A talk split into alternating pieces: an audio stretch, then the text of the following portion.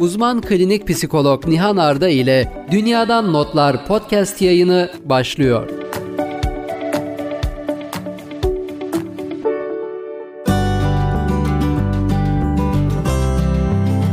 Herkese merhaba. Yeni bir podcast yayınıyla karşınızdayım. Bugün sevme şekillerimizden bahsedeceğiz. Ee, başlığımızda olduğu gibi bazen sevme şeklimiz sevdiğimize iyi gelmeyebiliyor gerçekten. Peki ama bu ne demek? Aslına bakacak olursak hepimizin sevgiyi ifade etme şekilleri birbirinden çok farklı.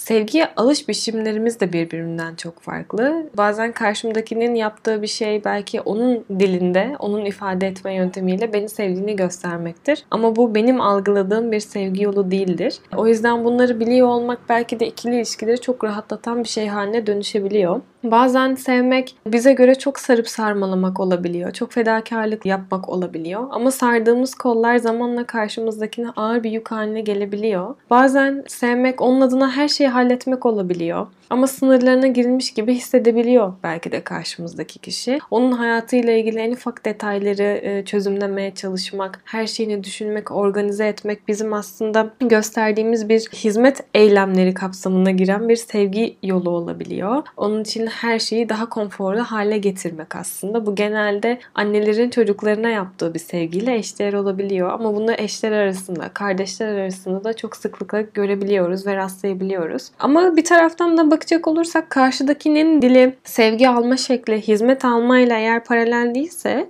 o kişi benim hayatımı organize ederken, konforumu düşünürken ben de sınırıma giriyor, ihlal ediyor, istemediğim şeyleri yapıyor, hayır diyemiyorum gibi alanlara ve düşüncelere yol açabilir. Bu da aslında çok temelde olumsuz bir duygu yaşatabilir. Çünkü şöyle de bir döngü oluyor aslında. Bu sefer karşıdaki kişinin o hizmet verme eylemine tepki gösterdiğinizde karşı taraf da kırılıyor. Çünkü onun da bildiği yolu, kendini anlatma şekli o. O yüzden buradaki dengeyi tutturmak gerçekten çok zorlayıcı olabiliyor zaman zaman. Bazen çünkü sevmeyi fedakarlıkla eş tutabiliyoruz. Ama fedakarlıkların altında ezilmek istemediği için uzak kalmak isteyen bir arkadaşımız, bir tanıdığımız, bir yakınımız da olabiliyor.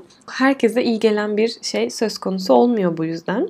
Şimdi 5 tane sevgi dili var. Çok sevdiğim de bir kitaptan aslında alıntıladığım bir şey bu. 5 sevgi dili. Birinci sevgi dilimiz fiziksel temas olabilir. İkincisi olumlama sözleri olabilir. Üçüncüsü kaliteli zaman olabilir. Dördüncüsü hediyeler olabilir. Ve beşincisi az önce anlattığım bu hizmet eylemleri olabilir. Bunların hepsi aynı anda da görülebiliyor kişilerde. Ama biri mutlaka daha baskın oluyor. Fiziksel temasta söz gelimi ben daha çok sarıldığımda, kapsandığımda, temasta bulunduğunda, işte eşim elimi dışarıdayken elimi tuttuğunda, annem bana daha çok sarıldığında sevgiyi hissediyor olabilirim. Veya olumlama sözleri benim için sevildiğimi onaylayan bir tarafta olabilir. Yani evet çok iyi gidiyorsun, başardın, tebrik ederim. Senin için çok zorlayıcı bir süreci atlattın, süreci başardın, e, geride bıraktın gibi şeyler olabilir. Ya da eline sağlık aslında. Günlük hayattaki çok basit şeyler ama eline sağlık demek. Ne kadar güzel bir e, mesela renk seçmişsin demek. Örneğin eve alınan bir masa örtüsüyle ilgili. Aa çok güzel bir fikir, bayıldım. Hadi gerçekten gel bunu uygulayalım demek çocuğunuza belki de olumlu sözlerine, olumlama sözlerine eşdeğer bir hale geliyor. Veya kaliteli zaman olabilir sevgi dilimiz. Ee, yani ben ne bana hediye alınsın ne çok fazla temas edeyim ama baskın olarak kaliteli zaman geçirmek benim için çok önemli. Yani e, akşam geldiğimde bir yarım saat birlikte sohbet edemiyorsak ben sevildiğimi, özel olduğumu, değerli olduğumu hissetmiyorum da bir seçenek olabilir. Veya hediye olarak bazen somut olarak bir karşılık da görmek isteyebiliriz. Yani benim için bu illaki maddi değeri olan bir şey değil aslında. Yani benim için mesela bir kart yazsın, bir mektup yazsın, işte bir fotoğraf bastırsın, yemek yapsın. Hani somut olarak aslında bunu gösterici bir hediye anlamında veya gerçekten beklentim de olabilir. Yani ben bir kolye alınmasını seviyor olabilirim. Ya da işte erkekler saat alınmasını parfüm alıyor olmayı seviyor olabilirler. E, burada da eğer karşısın, karşımızdaki kişinin sevgi dili buysa e, buna da birazcık zaten olanak tanımak, hizmet etmek gerekiyor. Ve hizmet eylemleri ki bu çok sık rastladığımız bir durum. Daha çok işte evet annelerin çocuklarına belki e, yaptığı bir süreçmiş gibi gözükse de birçok ikili ilişkimizde bunu yapıyoruz aslında. Hastalandığında ona daha çok belki partnere işte bebek gibi bakıyor olmak arkadaşın birçok zamanında hayatını, konfor alanını düzenliyor olmak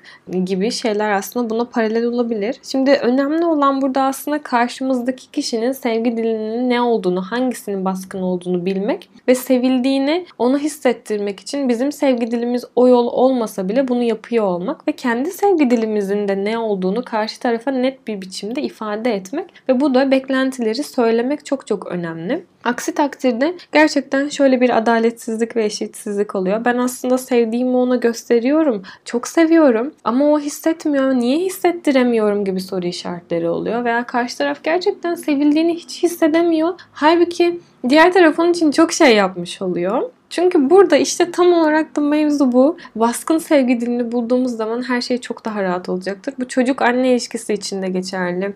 Ee, çocuk ebeveyn ilişkisi demek daha doğru olur belki. İkili partner özel ilişkilerimiz için de geçerli. Arkadaş ilişkilerimiz için de geçerli. Hem kendi e, yolumuzu bulacağız, onu talep edeceğiz. Hem de karşı tarafın yolunu bulacağız ve e, o noktada kendimizi birazcık zorlayıcı olacağız. O zaman daha çok sevgiyi hissettirebilir ve daha çok alabiliriz diye düşünüyorum.